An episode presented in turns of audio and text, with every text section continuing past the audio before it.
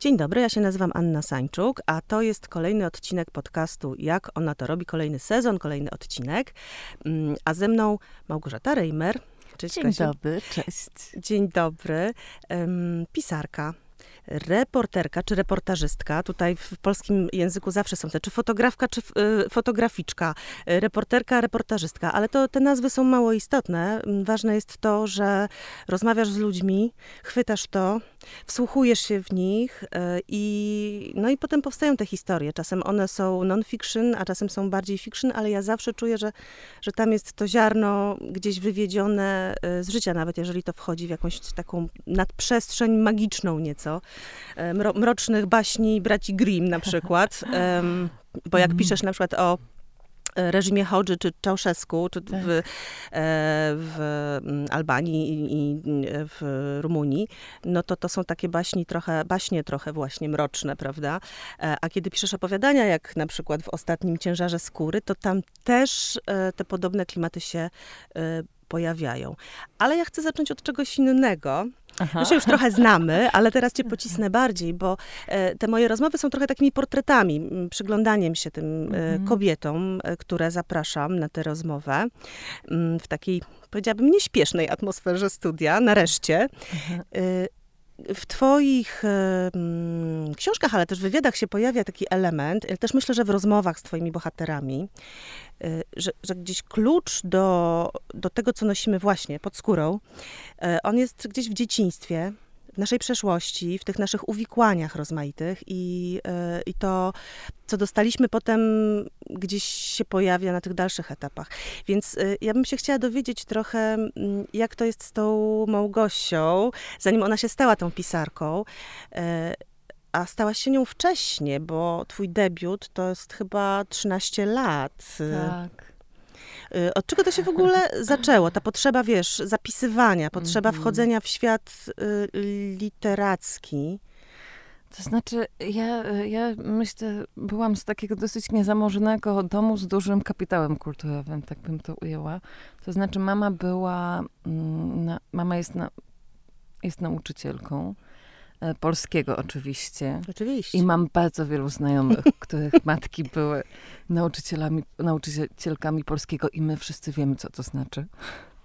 Bo to z jednej strony jest e, duża miłość do, książ do książek, która po prostu była w, w domu i wszyscy to czujemy i myślę, że wszyscy zostaliśmy zarażeni w tym pozytywnym sensie miłością do książki, do słowa, do literatury, do przeżywania rzeczywistości poprzez literaturę. Natomiast mam wrażenie, że też gdzieś tam pod spodem jest dyscyplina, czy pragnienie dyscypliny, bo jednak e, oczywiście mylę, mogę się mylić i różni są nauczyciele, ale jednak mam wrażenie, że często różnego rodzaju mechanizmy, takie nauczycielskie dyscypliny mogą nauczyciele mm, mniej lub bardziej świadomie przenosić do domu. I oceny wtedy. I oceny, mhm. tak. I czy ocenianie. niedostateczna, czy tak. dobra, czy celująca. A u ja, córki. jak już możesz się domyślać, i to trochę widać po moim życiu, trochę mam problem z takimi klasycznymi regułami gry i życiem według jakichś takich, e, powiedzmy, odhaczaniem tych wszystkich kamieni milowych w naszym życiu. To znaczy, mi się wydawało, że e, ja jednak no, potrafię się dobrze wpasować w system i że będę miała raczej takie dosyć klasyczne życie, a po prostu im jestem starsza, tym e, jakoś z może coraz większą świadomością i radością mm, powstrzymuję się przed tym. Mhm. I e, wyobrażam sobie to życie przede wszystkim jako poszukiwanie i zmiany, jakieś takie nowe wyzwania. I cały czas mam w swoim życiu różne scenariusze i nie wiem do końca, za którym pójdę. I to, że też daje sobie taką wolność i daje sobie prawo wyboru i daje sobie przestrzeń do tego, żeby obserwować, jak się zmieniam, jak e, doświadczenia mnie zmieniają i jak też każde moje książki mnie zmieniają. I potem te opowieści o książkach, które napisałam, też mnie zmieniają. I kontakty z publicznością, i te wszystkie niesamowite rzeczy, które zaczęły się już dziać przy okazji ciężaru skóry, że przyjeżdżam w jakieś różne miejsca i publiczność się tak cudownie otwiera i też opowiada o swoich różnych doświadczeniach. Mhm ja to zbieram, napełniam się tym i po prostu jakby um, też wydaje mi się, że z wiekiem bardzo dobrze uczę się ładowania. I to jest coś, czego zawsze mi brakowało, że jednak myślałam, że mam taką skłonność, że energetycznie jakoś w życiu po swoich wyborach jestem na minusie. Mhm. A teraz osiągnęłam taki etap w moim życiu, że jestem na plusie i coraz bardziej. Też dlatego, że bardzo wyraźnie sobie opowiedziałam, czym była przemoc w moim życiu i przemoc w różnych relacjach, ale też przemoc na przykład w relacjach, powiedzmy, nie wiem, zawodowych czy y, doświadczeniach zawodowych. To jest twój temat w ogóle. Tak. I w tych książkach reporterskich, i w tych y, fikcjach, nazwijmy. Tak. tak. Więc ja mam w tym momencie jakby tak, takie um, bardzo czysty krajobraz, jakby bardzo oczyszczony. E, mam wokół fantastycznych ludzi, którzy naprawdę e, znają mnie od lat i świetnie rozumieją. I naprawdę, no, chyba nie mam takiej relacji, żebym po spotkaniu z kimś czuła jakąś stratę emocjonalną. Mhm. Ja się nieustannie, jakby nauczyłam się nieustannie ładować e, w relacjach z ludźmi i czuć wielką wdzięczność za to, że mogę kogoś poznać, głęboko z nim porozmawiać, że jest właśnie ta kontynuacja, że mam wokół siebie znajomych, których znam od 20-30 lat. Oni doskonale znają moją drogę, wiedzą z jakiego miejsca wyszłam i w jakim miejscu jestem teraz, wiedzą jak się zmieniałam. I jest to po prostu niezwykły dar. To bycie z drugim człowiekiem. Bo w ogóle też przed przyjściem tutaj jakoś e, myślałam sobie o tym, że mój Boże, no wygląda na to, że niczego w życiu się nie dorobię, nie będę osobą e, poważną i wpływową, ale jak niesamowicie hojne jest moje życie pod kątem tego, że poznaję Relacji. różnych ludzi. Mhm. I mam różne miejsca, do których mogę wrócić, i czekają tam na mnie wspaniali ludzie, którzy mieli w sobie mm, otwartość, żeby mnie poznać i też jakoś mhm. zapamiętać i zobaczyć w tym, jaka jestem. No właśnie, bo y, y, no to, to jest jakiś bardzo, bardzo ważny element w tym ustawianiu sobie niestandardowych scenariuszy albo y, w tym chodzeniu za tym, co się pojawia bo właśnie przecież ty spędziłaś jednak ileś tam lat y, poza Warszawą, z której pochodzisz i która się pojawiła w twojej pierwszej książce w Toksymiach. I zresztą chyba wróciłaś teraz na stare śmieci w tym sensie, że tam akcja się działa właśnie na Pradze, mm -hmm, południe, a teraz mieszkasz tak. tak. na Grochowie, więc to jest też ciekawe. Pewnie pogadamy o tym, jak, to grocho, y, jak ten Grochów po latach y, dla ciebie wygląda. Tak, ale po drodze właśnie był Bukareszt, była Tirana, Y, I z tych miejsc też urodziły się wspaniałe, y, wspaniałe twoje książki reporterskie, nagradzane, nominowane. Bukareszt, Kurz i Krew i y, Było to słodsze niż miód głosy komunistycznej Albanii.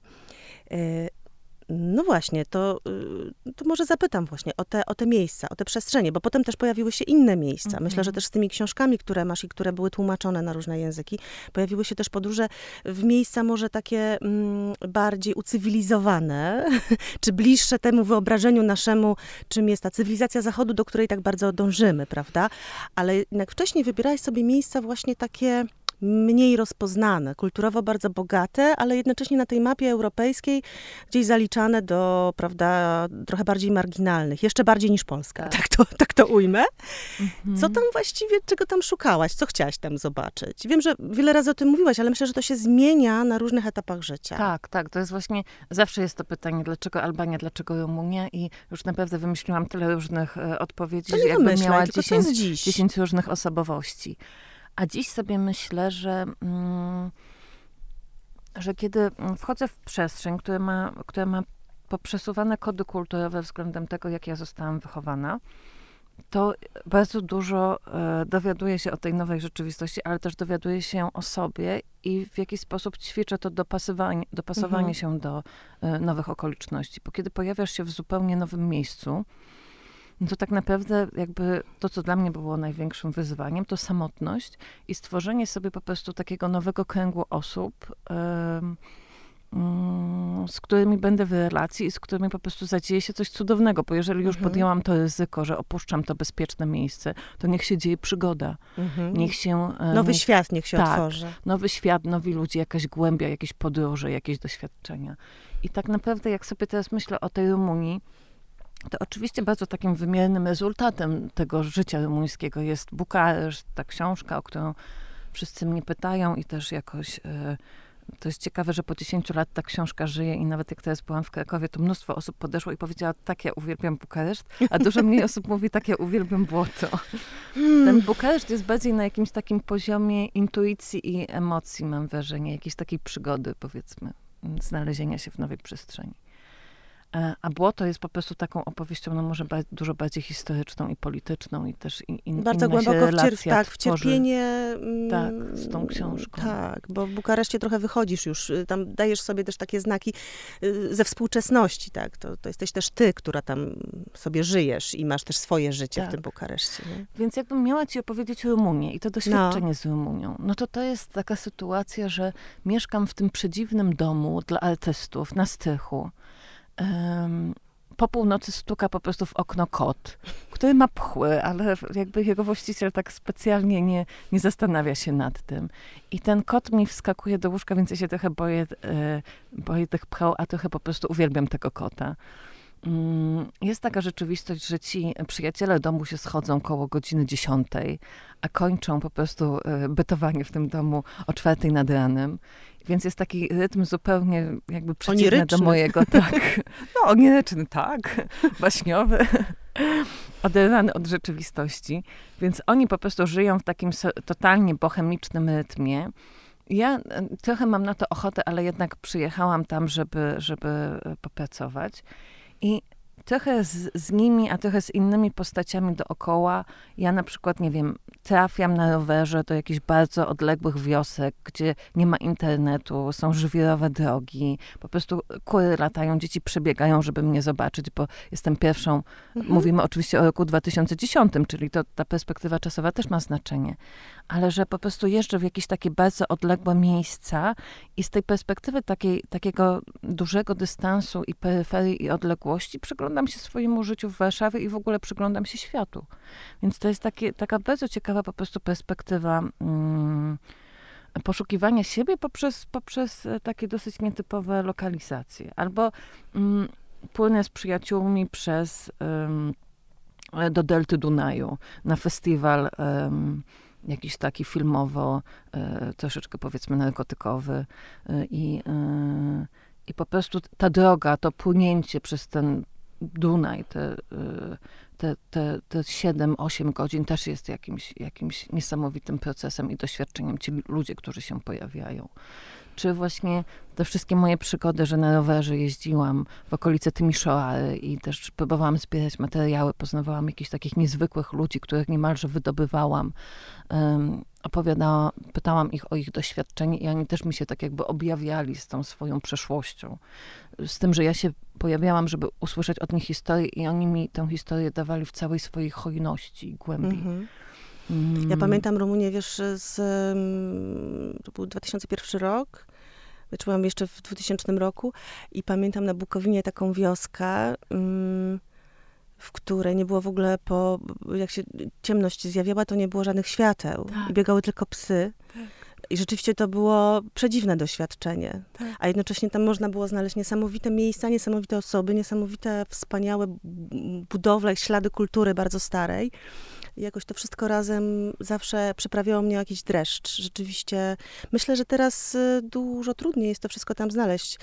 Y, pamiętam jak schodzenie właśnie z gór i wchodzenie do takiej doliny, y, gdzie stał piękny, stary, drewniany dom, no bo tam ta ciesiołka przez lata całe w takiej zamrożonej formie istniała i pamiętam, że sobie wtedy pomyślałam, że to jest najpiękniejsze miejsce, jakie w życiu widziałam i właściwie chyba do dzisiaj nie, nie odwołuję tego, że tu mogłabym zostać. Mhm. Więc myślę, że to jest rzeczywiście wchodzenie trochę w takie światy równoległe, w którym tak. lepiej widzimy też siebie. Mm, tak, prawda? tak. Wiesz, bo to jest tak, że Bukareszt jest w jakiś sposób e, racjonalnym e, skutkiem tych wszystkich decyzji i jakby logicznym wyrazem tego, że podjęłam pewne decyzje. Natomiast oprócz tego jest ta cudowna warstwa nielogiczno-irracjonalna tego wszystkiego, co zdarzyło się wokół tej książki. A o czym no, nawet w książce nie, nie chciałam opowiadać, bo to książka nie była mm. o mhm. tym, nie była tak bardzo o mnie, jak była o samej Rumunii. Natomiast te doświadczenia życia rumuńskiego były bardzo gęste i ja jestem też w takim momencie życia, że ja już wiem, um, jakie nowe rzeczy mogłabym sobie wziąć uh, z Rumunii teraz. Mm-hmm. Więc myślę, że przyszły rok to będzie takie głosowanie między Rumunią a Włochami przede wszystkim. No i oczywiście Albanią, no bo tam, tam też jest to życie albańskie, ale ale wracamy też do starych rzeczy, żeby, mm, żeby czegoś nowego się dowiedzieć o sobie. Jak ten powrót do Warszawy mm, wypadł dla ciebie? No bo to jednak, wiesz, po latach mieszkania w innych miejscach, właśnie wchodzenia w nowe krajobrazy, wpasowywanie się w te kształty i kolory mm -hmm. i mhm. modele życia, a tu nagle wracasz w coś, co mm, już dawno w sumie gdzieś było tak zostawione, przynajmniej tak. jeśli chodzi o codzienność. Tak, ja wróciłam do Warszawy dwa lata mm -hmm. temu. I jest jeszcze sporo osób, które jakby nie, nie, zauważyły, nie zauważyły tego. tego. Na przykład internet tego za bardzo nie zauważył, tak. bo widzę, że w wielu miejscach ciągle jest napisane, że w Tiranie mieszka ta tak. Małgorzata Reimer. Tak, tak. Nie, Małgorzata Reimer nie mieszka w Tiranie, mieszka w Warszawie, na, na Grochowie. Wróciła na stare śmieci. Tak, do Toksymi. Tak. Y, natomiast no, te, te dwa moje ostatnie lata warszawskiego życia to jest, to jest odtwarzanie relacji z ludźmi. W sensie takie pokazanie im, że wróciłam i już nie wyjadę. Jakby już jestem obecna, już y, możecie po prostu tutaj y, czerpać ze mnie, u mnie się ładować. Jestem. Jakby mhm. nie zniknę wam. Y, Osiadłaś?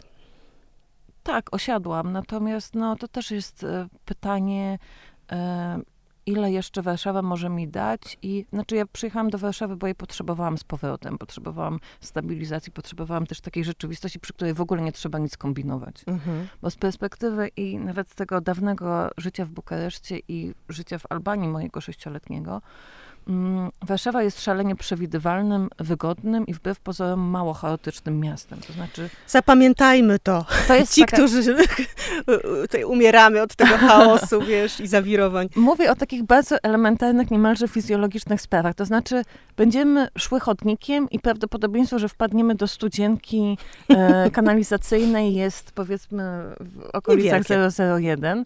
Natomiast w Tiranie miałyśmy takie powiedzenie, że po prostu ten, kto nie wpadnie do studzienki kanalizacyjnej, to jeszcze w Tiranie nie zamieszkał, że to jest taki chrzest bojowy, który każdego musi spotkać, bo po prostu w ciemnych ulicach tam te, e, te, te kratki giną cały czas, te, te pokrywy.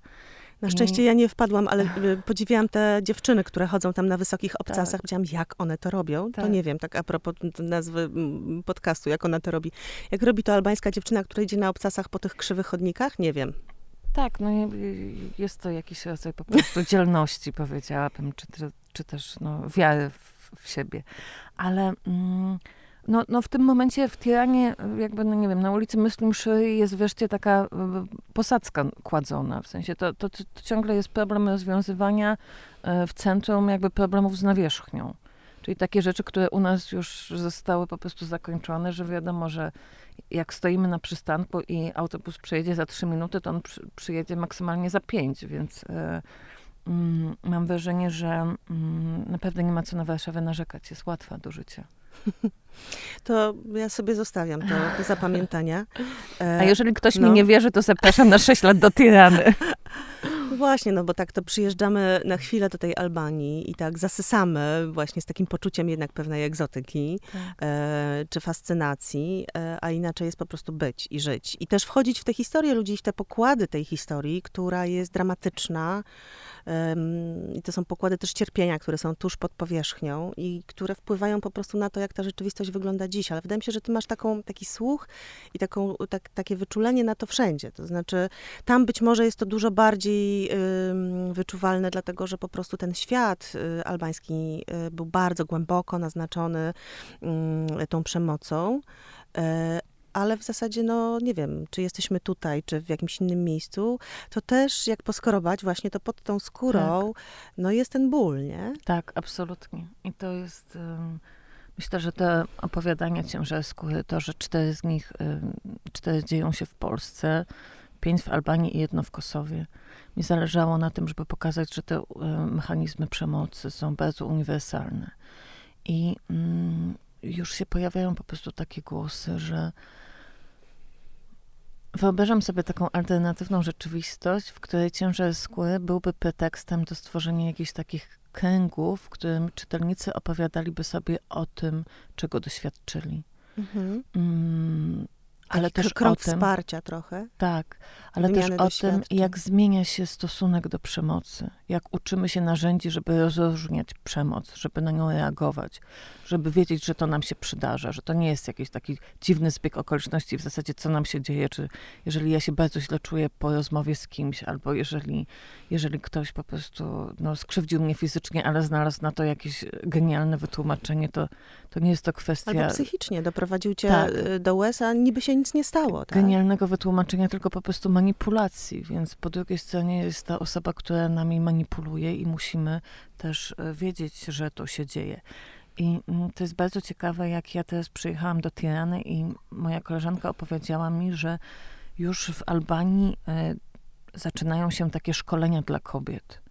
Jak reagować na przemoc, jak w ogóle reagować na atak fizyczny, jak się obronić poprzez różne techniki samoobrony, ale też jak rozróżniać przemoc psychologiczną. Jak po prostu mówić mężczyźnie nie. Mhm. E, I to jest też bardzo ciekawe. A jest to bardzo patriarchalna kultura. Zresztą tak. no, my też w patriarchalnej y, funkcjonujemy, natomiast zdaje się, że jednak na Bałkanach to jest dużo bardziej posunięte. Jakby ten nie wiem, model, etos tego mężczyzny, który musi być e, tym, który wyznacza tutaj wszystkie drogi, granice i on decyduje, co, co jest, a co nie jest przemocą de facto, co też jest jakimś obciążeniem dla, dla tego świata męskiego. Zresztą takie opowiadanie tutaj otwiera tę książkę, gdzie jest chłopiec, tak. który jest trochę jak dziewczynka, jest delikatny, subtelny, mm -hmm. bardzo wrażliwy i dla niego ta rzeczywistość jest równie opresyjna, ale możemy sobie wyobrazić takiego chłopca na końcu tego procesu, kiedy on, on jest tym utwardzonym właśnie, mm -hmm. tą skorupą obudowanym mężczyzną. Tak. tak. No, mm, już po napisaniu tych opowiadań znowu pojechałam do Albanii i miałam taką bardzo ciekawą rozmowę z, ze starszym znajomym w okolicach 60. I on opowiadał mi, że jego ojciec po prostu nie miał żadnych narzędzi, żeby zbudować relację z nim opartą na czym innym niż przemoc. Mhm. Że po prostu nie wiedział, w jaki sposób to zrobić. Że y, dla niego dziecko czy syn musi się go bać, bo taka jest rola ojca żeby ten ojciec też po prostu hartował go przed rzeczywistością. I to było dla mnie coś absolutnie wstrząsającego, że w ogóle może nie być tego innego modelu w rzeczywistości, że ta rzeczywistość może być tak opresyjna i tak zabetonowana, że mimo, że po prostu no, zdajesz sobie sprawę, że ten ojciec cię jakoś po swojemu kocha, to on ma przede wszystkim jakby zwraca się do ciebie językiem przemocy. Mhm. I trzeba się przedrzeć przez tą przemoc, żeby jednak zobaczyć miłość tego ojca. Mhm. Ja też, wiesz, właśnie też myślę o tym, jak e, ci delikatni chłopcy potem stają się przemocowymi mężczyznami, bo też jak patrzę na przykład na dorosłych mężczyzn, mm -hmm. w których widzę tych e, momentami, tych właśnie mm -hmm. bardzo delikatnych chłopców, którymi byli, tak. bardzo wrażliwych. Tak jak oni w procesie tego tresowania się tak. tak obudowują. I potem na przykład jeśli mają synów, bo z córkami może jest inaczej ze strony mhm. mężczyzn, e, no to po prostu jak chcąc, nie chcąc, e, to powielają. Mimo, że są przecież w zupełnie innym już miejscu i mają tak. dostęp do tych narzędzi, a jednak to są tak silne... Mm, wzory, i tu mówię akurat nie o Albanii, nie o Rumunii, tylko mówię o Polsce, tak? Mm, e, że to się właściwie nieustannie, nieustannie odtwarza, multiplikuje, chociaż jakiś proces takiego, takiej konfrontacji następuje, bo y, cała ta fala, wiesz, y, tej, tych opowieści o osobistej na przykład traumie mm -hmm. i pamięci, o tym, jak mm -hmm. właśnie sobie coś robimy z pokolenia na pokolenie, a potem to niesiemy i takie uświadamianie sobie, co właściwie chyba jest, można zauważyć, że to już jest naprawdę taki nurt w literaturze. I z jednej strony w opowieściach takich fikcyjnych, ale z drugiej strony właśnie w tych opowieściach realnych, prawda? Chociażby cała ta e, e, chłopska, pańszczyźniana scheda. Tak. I to takie otwieranie się na to, że w gruncie rzeczy w większości my wszyscy raczej jesteśmy tutaj potomkami tych, tych chłopów niż tych panów, do których chcielibyśmy przynależeć, ale wszystko jedno, bo ta przemoc w obie strony y, działa i wszyscy ją mhm. y, po prostu zasysamy, tak? Tak. Ja, ja myślę, że to jest absolutnie fascynujące to, co się dzieje, to przypisywanie naszej tożsamości zbiorowej i też zaakceptowanie tego, że system był tak opresyjny, że z naszych po prostu, że, że tworzył E, ofiary i te ofiary miały bardzo wąskie pole manewru. E, to, to jest bardzo ciekawy proces, który się dzieje właśnie w zbiorowości, a poza tym jest ten proces budowania tożsamości in, indywidualnej poprzez terapię. To I trochę to jest... tak jest, jakbyśmy teraz tę terapię powoli jednak przechodzili, mimo że bardzo trudne były te ostatnie lata i to, tak. to rozdarcie takie. Ty też wróciłaś, wiesz, do Polski w momencie, no właśnie, kiedy ten kraj w takim rozdarciu chociażby światopoglądowym, politycznym, społecznym, to jest trudne do wytrzymania życie w tym napięciu, chociaż z drugiej strony to też powoduje, że pewne rzeczy się wysycają do końca, ja mam takie wrażenie. Tak, ale ja mam też jakby takie poczucie, że bardzo zmienia się język, że język też się staje dużo bardziej precyzyjny, jeśli chodzi o mówienie o emocjach. Że trochę to nasz, na, nas, oczywiście mówimy o, o jakimś zamkniętym kręgu Warszawy, ale to, co dla mnie jest fascynujące, to to, że zjawisko terapii roznosi się już dalej. Mhm. Mój e, brat mm, ma firmę budowlaną i ostatnio zadzwonił do niego e, inny znajomy i powiedział właśnie, że, że wreszcie jest w terapii i że się bardzo, bardzo cieszy z tego. I to wydało mi się tak piękne, że ci mężczyźni w okolicach 35 roku życia, jakby których nie, nie, nie podejrzewałabyś o taki kaprys warszawkowaty, że teraz będziemy sobie opowiadać jakby mm, jakieś mniej Co czujemy, e, straszne. Jakby wymyślone przykrości, tylko że mm-hmm. chodzi mi o, o, taką, taką potrzebę nawiązania kontaktu z własnymi emocjami tak. po to, żeby na przykład głęboko zrozumieć, czym jest szczęście i co daje mi szczęście. Dlaczego ja w moim życiu nie jestem szczęśliwy, co mnie blokuje przed tym. Mm-hmm. I myślę, że w wypadku mężczyzn jest oczywiście też ten problem takiego po prostu um, braku języka dla wyrażania własnych emocji, rozumienia emocji, e, nazywania emocji, e, tej wiedzy, co czujemy i dlaczego. I w jaki sposób to promieniuje na nasze relacje z innymi, mhm. z innymi ludźmi. Bo w momencie, gdy po prostu jest ta ściana, która nas e, oddziela, no to nigdy nie dojdzie do takiego po prostu pełnego spotkania z drugim człowiekiem, mhm. tej takiej jakby pełni, która jest w ogóle wielką radością i jest czymś, co absolutnie nie wiąże się z pieniędzmi. Mhm. Jest jakby tą, tą wspaniałością tego odkrycia i połączenia się z drugim człowiekiem. I mm, to jest w jakiś sposób fascynujące, że po tym takim szoku wojny e, w Ukrainie i tego, jak my wszyscy zaczęliśmy po prostu opowiadać sobie tę traumę historyczną, która gdzieś w nas zarezonowała tak, bardzo mocno znowu, tak. w tych pierwszych mhm. miesiącach, jakby mm, przyszła taka myśl, że dobrze, że musimy e, odzyskać kontrolę nad tym obecnym strachem czy niepokojem, który jest w naszym życiu i że narzędziem do tego jest terapia. I też terapia, która w dłuższej perspektywie daje nam umiejętność po prostu rozmawiania z innymi ludźmi mhm. o trudnych emocjach i, i znowu jakby wzmacniania się poprzez te relacje z innymi ludźmi. Jest to coś absolutnie fantastycznego. To, że nagle po prostu ludzie zaczęli w ogóle domagać, że, że terapia staje się takim dobrem powszechnym i ludzie, nie wiem, nawet w zakładzie pracy mogą, e, zaczynają się domagać e, dostępu do terapeuty, tak jak mają dostęp do lekarza pierwszego kontaktu. Mhm.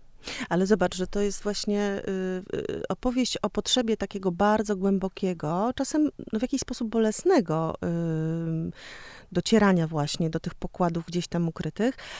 a to wszystko się rozgrywa w świecie, który jednak jest bardzo silnie powierzchowny, przynajmniej w tym, tak. co się, takim bieżącym oglądzie, tak, jakby w mediach, do których mamy dostęp tak na co dzień, czy rozrywce nawet bardziej, bo trudno już czasami znaleźć te granice. Tak. Um, z drugiej strony też w polityce, która też lubi się tak właśnie ślizgać po takich um, stosunkowo jednak płytkich i złych emocjach, albo nawet jeśli nie płytkich, to takich y, właśnie zupełnie nieprzemyślanych.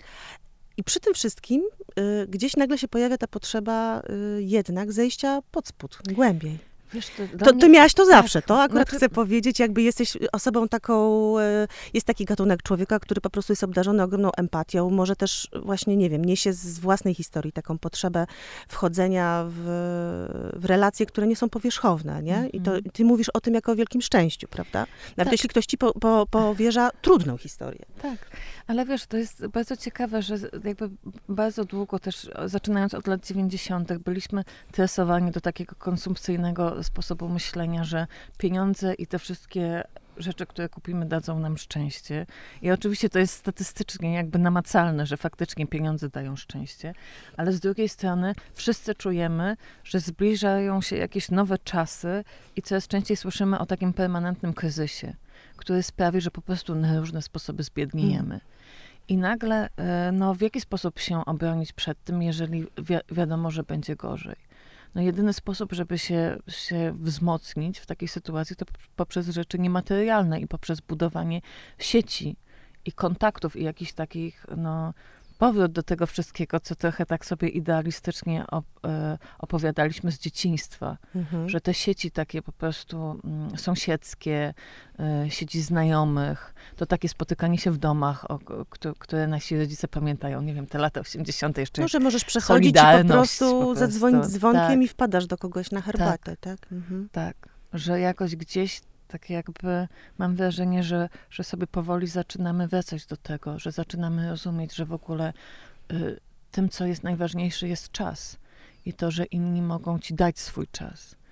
I, mm, i nie trzeba się wpisywać w grafik, tylko po prostu może, możemy się spotkać. Że to jest właśnie to szczęście, które jest absolutnie darmowe, jakie to jest wspaniałe. Tak, trzeba, no mówię, to też są takie rzeczy, które należy sobie przypominać w momentach, w których właśnie przytłoczeni tą codziennością e, zastanawiamy się, skąd wziąć tutaj na spłatę kredytu na przykład, nie? Tak. E, że za tym wszystkim jest jeszcze ta, e, to, to bycie, to bycie i w, i w tym są ci ludzie bardzo, e, bardzo cenni. Czy rozumiem, że e, masz poczucie funkcjonowania w takiej sieci, po tym powrocie tutaj i odtwarzaniu właśnie pewnych relacji, czujesz, że, że to działa. Tak. Absolutnie. I ta sieć się staje coraz bardziej gęsta i gęsta i coraz bardziej taka bezpieczna i stabilna. Jest to wspaniałe. Mm, też dlatego, że i to dosyć mocno wybrzmiewa w ciężarze skóry, moi bohaterowie są bardzo samotni. Mhm. Samotna jest e, wilczyca z Księżyca, z opowiadania Mój Księżyc ma zielone oczy i jakby to wszystko, co ona robi, też jakoś wypływa z z samotności i z bycia, z poczucia bycia permanentnie odrzuconą. Jest opowiadanie techniki wegetatywne, które... Przerażające tak, wręcz. Kto, tak. Które jest oddzieleniu ogóle... od siebie, można powiedzieć. Tak, Zamrożeniu tak. siebie w głębokiej samotności. Ostatnio na spotkaniu autorskim w Gdańsku ktoś powiedział, że to jest opowiadanie o cukrzycy. I byłam tak zachwycona tym. No, jakby to powiedzieć, pewna kon jakby, e, konkluzja jest taka, która gdzieś w sobie ma ten element tej choroby, ale można powiedzieć, że ta choroba jest w pewnym sensie metaforą też. Tak. No, bo mamy bohaterkę, która jest po prostu e, sama w domu, też ze względu na pandemię i tak dalej i czuję, jak straszliwie śmierdzi jej ciało. I zaczyna mieć jakieś takie omamy, jakby to wszystko, co wokół, się, wokół niej się dzieje, jest takie po prostu z pogranicza trochę snu i jawy. No i ktoś bardzo racjonalnie po prostu podszedł do tego opowiadania, że ta bohaterka y, ma cukrzycę, a ja zaczęłam sobie wyobrażać taką bohaterkę, która jest trochę żywa, a trochę martwa. Mm -hmm. To znaczy, jej życie jest tak bardzo wegetacją, jest tak bardzo wyjałowione z jakichś takich ważnych relacji międzyludzkich, że po prostu no, mm, moim zdaniem my ją poznajemy w momencie, gdy ona jest już martwa. Natomiast e, to chodzi o to, że ta różnica między jej życiem a jej śmiercią była jest naprawdę niewielka. znikoma. Mhm. Mm, dla mnie trochę o tym jest to mhm. opowiadanie. Dla mnie więc... też. O przerażającej samotności, takiej tak. bezdennej. Tak. W której właśnie nawet nie wiem, czy jestem żywa, bo nie ma tak. mi kto tego powiedzieć. Tak, tak, tak. I te wszystkie inne kobiety, które tam się pojawiają, też są jakimś wariantem jej losu.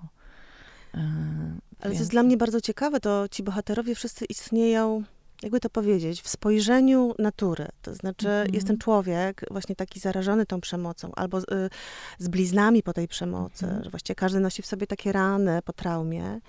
Y, mniejszej, większej, bo takiej, która trwała latami, bardzo różne to są historie. Mm, y, a, a gdzieś obok jest ten świat natury, którą ten człowiek, pan na tej ziemi, e, tak coraz bardziej niszczy i, mm-hmm. i, niszcząc samego siebie, prawda? No bo wszyscy żyjemy w tym kryzysie klimatycznym i wiemy, co się dzieje tutaj, ekologicznym. Mm, ale jest to bardzo jakaś taka ciekawa perspektywa, ta perspektywa zwierzę, spotkania się z tym, co zwierzęce w nas, mm-hmm. albo przejrzenia się w tym, co jest wokół nas, takim dopuszczeniu w ogóle właśnie tej pozaczłowieczej perspektywy. E, która daje też to poczucie baśniowości, takiej, o której też niektórzy recenzenci piszą, ale o której którą ja wyczuwam właściwie w każdej twojej opowieści, również tej no, non-fikcyjnej. Mm, uważam, że to jest bardzo piękne i w ogóle mam jakieś takie dziwne wrażenie, że coś z tej perspektywy coraz bardziej w nas wnika. Tak. Nasze relacje ze zwierzętami są zupełnie inne, zupełnie inaczej tak. postrzegamy e, zwierzęta. Ty swoje koty, ja swoje koty, bo jesteśmy obie kociarami, ale to dotyczy no, bardzo, bardzo wielu tych e, zwierzęcych e, czy pozaludzkich e, światów i nawet w literaturze to też dostaje jakiś taki bardzo mocny, no, mocną swoją reprezentację. To gdzieś to się zaczyna zaczęło może u Olgi Tokarczuk mm -hmm. wyraźnie widać, ale mm, w, też u Janny Bator w ostatnim zbiorze opowiadań też jest bardzo silny taki mm -hmm. wątek. Właśnie Aha. tego wejścia w ten świat naturalny i przeglądania się w nim i szukania, właśnie, ucieczka niedźwiedzicy zresztą tam mm -hmm. jest mhm. tytuł i to też czuję, że to jest coś takiego. Tutaj jest lisica z kolei na przykład. Mhm. Taka tak. konfrontacja ze zwierzęciem, które nagle widzisz, tak. patrzysz na nie, a ono patrzy na ciebie. I co, tak. co jest w tej opowieści? No i właśnie jakby... No, to z Albanii przywiozłaś, z tych dzikich krajobrazów?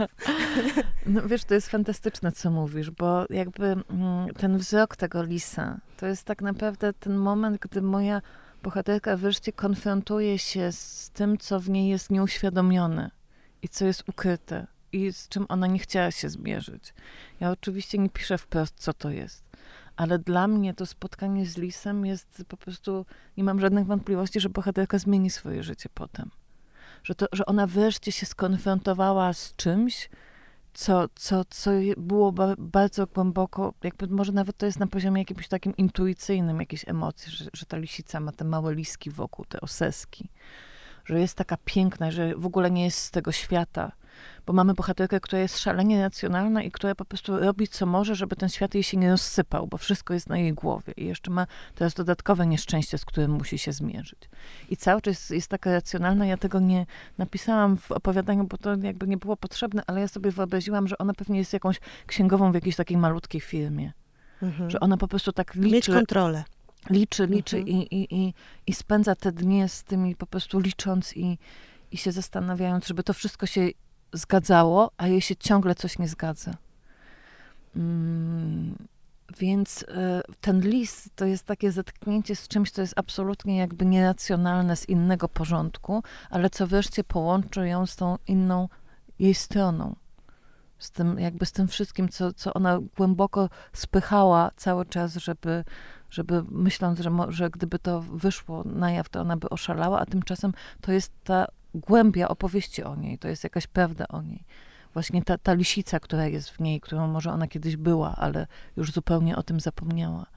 A mm, to się w ogóle też wzięło z jakiegoś takiego mojego w ogóle zachwytu nad, nad, nad pięknem tego stworzenia, bo ja kilka razy miałam w życiu taką sytuację, że zobaczyłam z bliska lisa i wierz mi lub nie, na przykład w Berlinie po prostu. No tak, lisy mieszkają już w miastach. Tak, mhm. byłam na przedmieściach Berlina, byłam, to był listopad, było tak straszliwie um, szaro i brzydko. No, jak to bywa w listopadzie tak w naszej jak teraz w listopadzie, czasowej. tak. tak. I nagle po prostu wyskoczył mi lis na chodniku tuż przede mną i był właśnie taki płomienny, miedziany. Państwo nie widzą, ale Małgosia, która sama ma taką słoneczną y, y, urodę, ma na sobie taki ru, rudo, lisio, intensywny tak. kolorystycznie sweter, który ją ale otula słuchaj, w ten listopad. Zupełnie nieświadomie przebrałam się za lisa. Przyszłam mm -hmm. do mhm. ciebie jako lis, oczywiście, teraz to widzę. Mm, więc tak, więc no, no, no ten lis, jakby to piękno tego lisa, który jest jakimś rodzajem objawienia i święta że masz do czynienia ze zwierzęciem, które jest dzikie, które jest niedostępne i nagle ono jakby pojawia się przed sobą, tobą w całym swoim pięknie i ty nie zbliżysz się do niego, bo ono zaraz ucieknie, ale przynajmniej możesz zobaczyć te, te niesamowite detale po prostu, te uszka, mhm. te, ten nosek taki świecący, te, te łapki takie czarne, cieniowane, czarno-białorude. Także jest to, jakby to opowiadanie jest też taką opowieścią o moim czystym zachwycie jakby tym zwierzęciem. Zapytałaś mnie wtedy, e, jakim się czuje zwierzęciem. Mhm. To jest taki twój quiz, który masz tutaj dla różnych osób znajomych, że pytasz czasem, jak oni siebie postrzegają e, właśnie w kategoriach tych pozaludzkich. Tak. Bo to jest, kurczę, bardzo rzeczywiście, no zawsze było tak w mitologii, w literaturze, która z mitologii wyrasta w dużym stopniu w opowieściach, że my tymi zwierzętami gdzieś byliśmy. To, mm -hmm. są, mhm. to są takie zawsze mm, symboliczne postacie albo metafory, w których, tak. my się, e, w których my się gdzieś odnajdujemy. To opowiedzmy to sobie. No to ty jesteś lisem? No tak, oczywiście, że tak, bo lis jest wolnością też. Lis jest pragnieniem wolności. Lis, lis jest w jakiś sposób nieuchwytny i jest w drodze i no, mm, jest w, w jakimś takim właśnie tym zwierzęciem, które, które jakby wyobrażam go sobie, że on cały czas gdzieś, gdzieś leci, gdzieś przed siebie leci. A ty? E, no ja już ci kiedyś powiedziałam, że ja to przede wszystkim z tym jeziorem. mam się, jeżeli mam się do świata y, pozaludzkiego odnieść, bo rzeczywiście mam bliską bardzo relację, mm -hmm. powiedziałabym, intymną z moim mm -hmm. jeziorem plusznym. I to jest za każdym razem wielkie dla mnie święto i jakiś taki mm, rodzaj jakiegoś odnowienia, kiedy wchodzę do tej wody, zwłaszcza jeśli jest jesień i nie ma już mm -hmm. ludzi, nie ma letników. I ta woda jest zimna, ja lubię zimną mhm. wodę. Mm. Świat się trochę przebarwia, bo też, też czuję, że jestem też trochę jesienią mm -hmm. i że jest mi bardzo bliski w ogóle ten, ten nastrój, taki, który, że jesień to jest taki moment, który niczego nie ukrywa. Jest to mm -hmm. bardzo piękny moment. Ja mówię, tak. kiedy jeszcze są te kolory, te liście, ale to już jest y, umieranie. I to mhm. całe piękno w tym traceniu jest, że masz to tylko na chwilę. Y, i, to jest jakaś taka bujność w tym ogromna. Mm, ja wtedy robię sobie takie bukiety z wszystkiego, co znajduję, z, mm -hmm. wiesz, z kwiatów jeszcze tych leśnych, z jakichś tam ziół, z liści. Mm, I myślę sobie, że to jest właśnie taka matka jesień, która mm -hmm. właśnie nie ukrywa przed nami tego, że za tak. chwilę będzie ta zima i to wszystko będzie łyse, gołe, mokre i tak, takie bardzo obnażone. trudne. -hmm. Więc jakby w, w, ten sposób się widzę wobec natury, ale też e, kocham koty i mhm. uważam, że są istotami z innego świata, mhm. że mają w sobie takie piękno i wdzięk y, i też niezależność, mhm. ale też z drugiej strony potrzebę kontaktu i ciepła i to tak. ciepło dają w sposób bezpośredni, a jeszcze, więc nie umiem tak, wiesz, jednoznacznie, mhm. to wszystko jest takie hybrydalne dosyć, oraz jest jedna historia, którą ci opowiedziałam i mogłam powiedzieć, to znaczy, jak byłam gdzieś tam jeszcze na studiach i byłam ze znajomymi w Bieszczadach i nocowaliśmy w mm, wozie y, węglarza, no bo tam są ci słynni odchłaski węglarze, co tam mm. wypalają, prawda, y, ten węgiel drzewny i akurat y, facet opuszczał tę, tę chatę. Myśmy mieli, już było ciemno i było kawałek drogi do schroniska. Powiedział, możecie tutaj zanocować, rano przyjedzie tutaj mój szef, który robi objazd, bo tam ja się musiałam dostać do Wetliny, to cię zabierze, tak? A wy sobie możecie tutaj narąbać drwa, do kozy wrzucić, oczywiście wszystko pokryte warstwą węgla, taki męski zapach. Jesteśmy po prostu w przygodzie męskiej właśnie, baza ludzi umarłych i tak dalej. Kolega i koleżanka y, i ja i było to naprawdę zjawiskowe zupełnie przeżycie i pod tymi brudnymi kapotami tam spaliśmy, a rano przyjechał pan, wsiadł, wsiadłam do, mm, do jego malucha, jechaliśmy do tej wetliny, było jeszcze tak szarawo, ciemnawo i w pewnym momencie wyskoczył wilk e, nam e, na, na tę bieszczacką drogę. Ja sobie zawsze lubię mówić, że to jest wilczyca. Mhm. I po prostu to zwierzę stanęło, mhm. tak jak zahamował ten samochód, a zwierzę stanęło i spojrzało mi prosto w oczy. I to jest tak. coś, czego ja nie zapomnę nigdy, bo to właśnie było dokładnie to, co ty opisałaś z tą lisicą. Moment tak. takiego przeskoczenia iskry, tak. jakiegoś połączenia, nagle, że te światy się spotykają i że wcale tak. nie są daleko, że jesteśmy jednym. Jest to jakieś tak niesamowite, być prawdopodobnie to jest moja prywatna mitologia, więc y, ja to zawsze próbuję tak, wiesz... Zejść na ziemię, ale jest to tak piękny obraz, on został we mnie na zawsze. Tylko raz mhm. widziałam na wolności wilka, chociaż w mojej warmińskiej wiosce są już wilki, znaczy w lesie dookoła, bo ta natura jednak cały czas wiesz, podlega różnym zmianom i fluktuacjom. Więc tak, ta mm-hmm. moja opowieść jest taka wielopoziomowa. Tak, no jest to jakiś taki dar, jest to w ogóle nawet też y, taki dar, którego jakby nigdy nie przewidujesz, że go dostaniesz, prawda? Mm-hmm. Że to jest te, też taka jakaś taka wielka niespodzianka i ona ma w sobie po prostu ten wymiar niemalże metafizyczny. Właśnie to spojrzenie dzikiego zwierzęcia, to obdarowanie spojrzeniem tego dzikiego zwierzęcia. I powiedziałaś taką fajną rzecz mm, o tym, że e, zmienia się nasza relacja ze zwierzętami, my się uczymy szacunku do zwierząt. Ja też mam takie poczucie, że my się uczymy takiego głębokiego zachwytu nad zwierzęciem. Znaczy, to, to być może zawsze było w nas, ale ja mam coś takiego, że w relacji z moimi dwoma e, kotami, ja się nimi przynajmniej kilka razy dziennie zachwyta, zachwycam jakby przychodzi do mnie to zwierzę, które ma taki chód, dokładnie jak te wszystkie tygrysy, lamparty i pantery, które sobie oglądam na Facebooku. Więc idzie do mnie takim rozkołysanym krokiem, tak, że niby przychodzi, ale tak naprawdę jakby miejsce docelowe to jest na mojej klatce piersiowej i zbliża się do mnie to zwierzę i ja mogę tak dokładnie zobaczyć, wiesz, te wibrysy, ten, ten taki puszek dookoła uszu, jakby te, te, te, wszystkie żyłki, te wszystkie po prostu takie, to, to, piękne rysowanie tego zwierzęcia. I ja zawsze mam e, gdzieś jakąś taką myśl z tyłu głowy, że ten mój kot jest zwierzęciem tak absolutnie pięknym, że tak naprawdę e, nam dziś siada tygrys, tylko on jest troszeczkę mniejszy. Mm. E, jako osoba niewierząca, e, zawsze jednak mówię, że jeżeli istnieje jakiś dowód na istnienie istoty boskiej, jest tym dowodem mm. kot. Właśnie jest to istota doskonała w każdym wymiarze, według mnie. Ale tak chciałam właśnie jeszcze ciebie, wiesz, co zapytać, bo to tak z tego wnoszę, że to może jest też trochę to.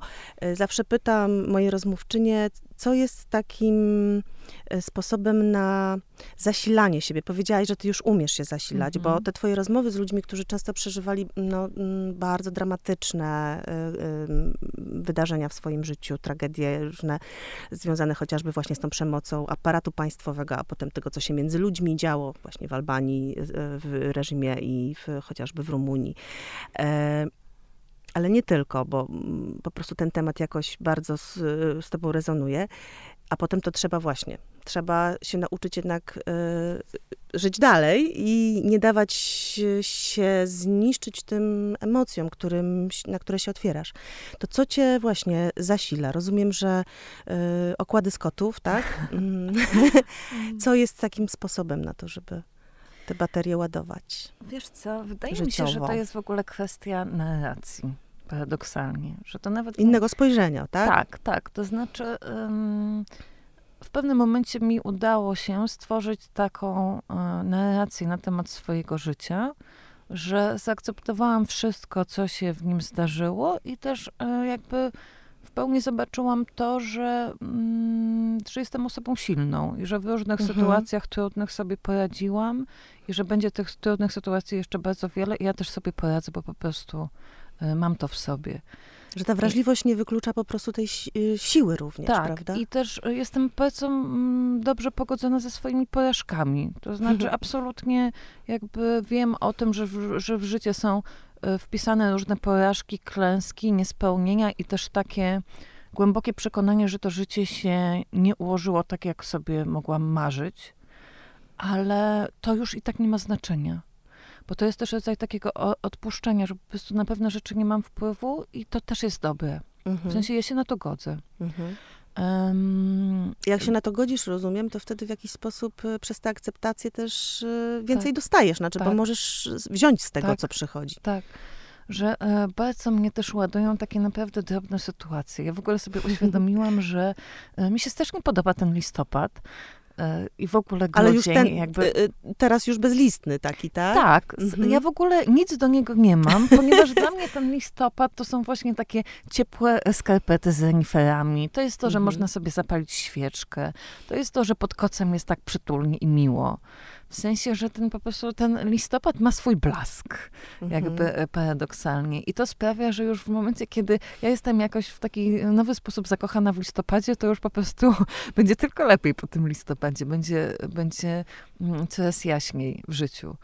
E, też wydaje mi się, że bardzo pomaga mi to, że ja e, czuję się zupełnie poza takim obiegiem jakiejś rywalizacji czy porównywania się z innymi że też na przykład wydaje mi się, że te, zwłaszcza w ostatnich latach, jakby przestałam w ogóle przykładać to, co ja sama robię, do osiągnięć innych osób. Mhm. I w momencie, kiedy nie ma tego układu odniesienia, że komuś coś wyszło lepiej, albo że jest bardziej efektowną postacią, to y, kompletnie mnie to nie osłabia. W związku z czym ja mam dużo większe zasoby i mogę nadal skupić się na, na, na, na rzeczach takich naprawdę ważnych. I też to wyeliminowanie tych wszystkich elementów, które nas e, osłabiają, zabierają nam siły, które jakoś zmieniają te narracje, te, też jest jakoś dobre. Oczywiście nie chodzi o to, żeby żyć w zaprzeczeniu, bo to trochę tak brzmi, jakbym, że, że jakby krok dalej to jest jakaś taka kategoria zaprzeczenia i w ogóle... Bycia w iluzji totalnej, Bycia tak? w iluzji. Natomiast nie, to nie o to chodzi. Ja jakby... Mm, to wszystko jest dyktowane jednak zasadą realizmu, myślę. Mhm. Ja myślę, że też ty potrafisz e, bardzo pięknie wokół siebie e, tak meblować świat, gdziekolwiek byłaś, każde mm -hmm. twoje miejsce stawało się twoje. To znaczy mówię chociażby o tym najbliższym otoczeniu, mm -hmm. że zawsze y, jakaś, jakiś taki duży dar właśnie poprzez przedmioty, kolory. E, dziwnie z tej palety właśnie takiej jesiennej, powiedziałabym, naturalnej, która też jest na przewspaniałej, być może najpiękniejszej tej jesieni okładce książki Ciężar Skóry. E, że, że, że, właśnie tworzysz, wiesz, taki swój kokon tak, trochę, ta prawda? Z, z, tak. z, materii, z kolorów, z faktur, e, z, z, tego, czym się otaczasz, że to, to jest też taka, taka rzecz, która może być bardzo zasilająca. Tak, ta okładka wygląda dokładnie jak moje mieszkanie, bo ja Zgadza mam się. bardzo dużo zielonego, ciem, ciemne meble, takie drewniane i mnóstwo roślin. Więc e, ta okładka, mimo że no, ten obraz chłopco, chłopco-dziewczynki z bliznami można na różne sposoby e, tak. interpretować i może to być niepokojące. Ale kolorystycznie jest to przepiękne. Ale ja widzę w nim przede wszystkim jakby to piękno i jakiś ten rodzaj głębi i takiego zaproszenia do introspekcji. Ten chłopiec dla mnie jest takim naszym wewnętrznym dzieckiem, które my możemy chcieć po prostu przytulić. I ta okładka też, ona ma taką bardzo fajną fakturę, która jakby, nie chcę już um, pójść za daleko, ale ona ma coś w sobie ze skóry też. Więc um, ktoś um, mi napisał, że właśnie przytula tę książkę, i, bo, bo ta faktura jest taka, taka miła, a ja sobie pomyślałam, że to jest właśnie takie przytulanie naszego wewnętrznego dziecka. Um, Co dalej po pisaniu opowiadań? Zawodowo. Oczywiście, oczywiście reportaż, też dlatego, że ten reportaż jest jakoś racjonalny, jest taką znowu bardzo dobrą formą, żeby te różnego rodzaju doświadczenia i rozmowy i, i różnego rodzaju informacje opowiedzieć mhm. innym osobom. Jak zwykle zrobię to po swojemu, ale, ale no, reportaż jest y, też po prostu czymś, co, co bardzo dużo mi dało i mimo wszystko ja się czuję mm, jakoś tam pisarką, reporterką. Potem A, będzie no. powieść, na którą po prostu już zacieram y, rączki już ona, już, już ona mi pęcznieje w głowę, już mamy różne sceny, Wzrasta różnych już. bohaterów, tak. I ona ma roboczy tytuł Osiem martwych kobiet. I moim zdaniem ten tytuł jest trochę zbyt niepokojący i on może się jeszcze zmienić, ale to będzie taki feministyczny western bałkański. Hmm, czyli ta... nie opuszczasz Bałkanu. Nie, bo też w reportażu rozumiem jeszcze też wró wróci Albania, bo zapowiadałaś to kiedyś. Nie tak. wiem, czy to jest dalej na tapecie. No, ja jakby powiedzmy, że ja mam e, w dowodzie wpisaną lokalizację warszawską, natomiast ciągle mam te albańskie życie i ciągle mam tych albańskich ludzi i póki co na szczęście nie tracę z nimi łączności. Oni są bardzo ważnym elementem mojego życia, bo wprowadzają zupełnie nowe punkty widzenia i mhm. perspektywy, których tutaj ludzie w Warszawie nie mają. Po prostu ich doświadczenie jest inne, ich, ich proces jest inny, więc to jest bardzo wzbogacające ich ścieżki są inne, ich drogi są często dużo bardziej dramatyczne niż, niż w tej naszej dosyć jednak uporządkowanej rzeczywistości warszawskiej. Więc chciałabym, żeby, mm, żeby ta powieść była też trochę takim, takimi portretami wspaniałych, niesamowicie silnych kobiet, które ja poznałam w Albanii.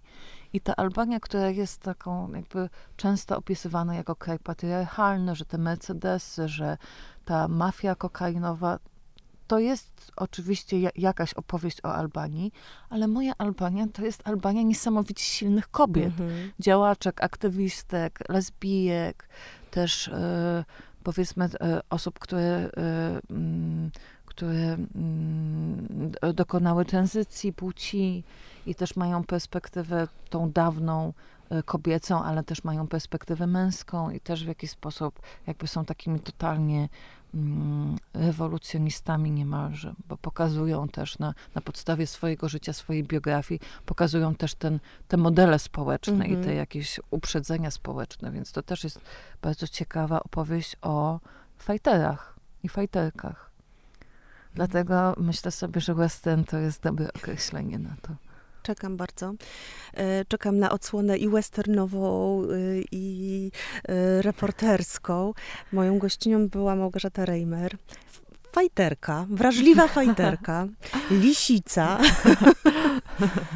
E, kobieta, która potrafi słuchać i słyszy tam naprawdę bardzo, bardzo wiele i potrafi to wspaniale opisać. Bardzo e, zachęcam, żeby pod, pod skórę wejść, pod skórę ciężaru skóry, czyli najnowszej książki Małgosi.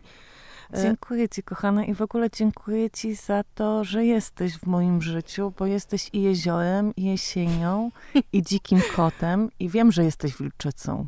Także dziękuję ci za to. A tobie też dziękuję, kochana.